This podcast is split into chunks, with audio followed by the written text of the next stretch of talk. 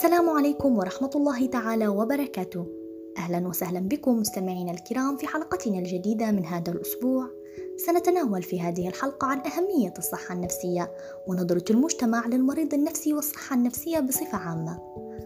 الصحة النفسية مهمة في كل مرحلة من مراحل حياتنا من الطفولة حتى البلوغ. لماذا الصحة النفسية مهمة؟ تؤثر الصحة النفسية على الحياة اليومية للإنسان وهذا يشمل العلاقات الاجتماعية والصحة الجسدية. ويضمن تمتعنا بصحة عقلية مثالية تحقيق راحة عاطفية ونفسية واجتماعية لأنها تحدد كيف نفكر ونشعر ونتصرف. ويعتبر الإنسان هو اللبنة الأساسية للمجتمع وجوهر بنائه. فالإنسان السوي هو مصدر النهضة والفكر والتقدم. ولكي يقوم الفرد بأداء واجباته ومهامه الذاتية والاجتماعية على أكمل وجه لابد أن يكون متمتعا بصحة نفسية عالية تخلو من الاضطرابات والمشاكل التي تؤثر بشكل سلبي في بدنه وعطائه وإنجازاته.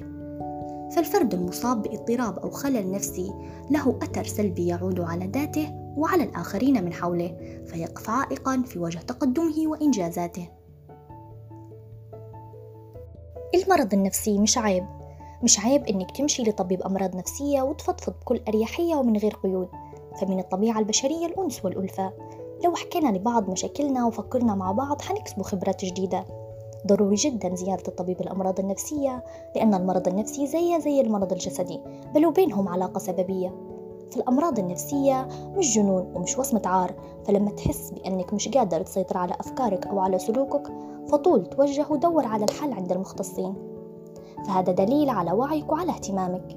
ولكن للأسف مجتمعنا العربي بصفة عامة يربط في المرض النفسي بالبعد على الدين وهذا غير صحيح فالروح تمرض زي الجسد وكتاب الله بالطبع هو الشافي.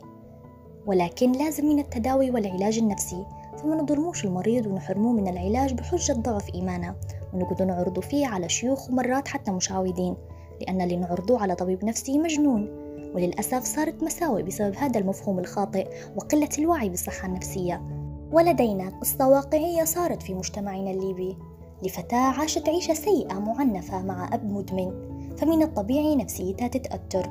ومرضت وكانت تجيها هلاوس والأهل بالطبع لم يعرضوها على طبيب نفسي ولكن جابوا لها شيوخ وحتى مشعوذين عشان يديروا لها حجاب. وكان غير مقتنعين بالطبيب النفسي إطلاقا. وهنا حال الفتاة زادت وأصبحت أسوأ والأهل مازالوا مصرين أن الفتاة ملبوسة وليست مريضة نفسيا.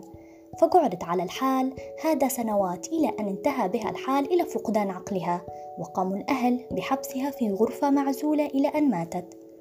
هذه القصة مثال عن المساوئ التي حدثت ولا زالت تحدث بسبب قلة الوعي بالصحة النفسية في مجتمعنا خاصة وربط المرض النفسي بالجنون والبعد على الدين. وفي الختام لا يسعني إلا أن أشكركم على حسن استماعكم ودمتم في أمان الله والسلام عليكم ورحمة الله تعالى وبركاته.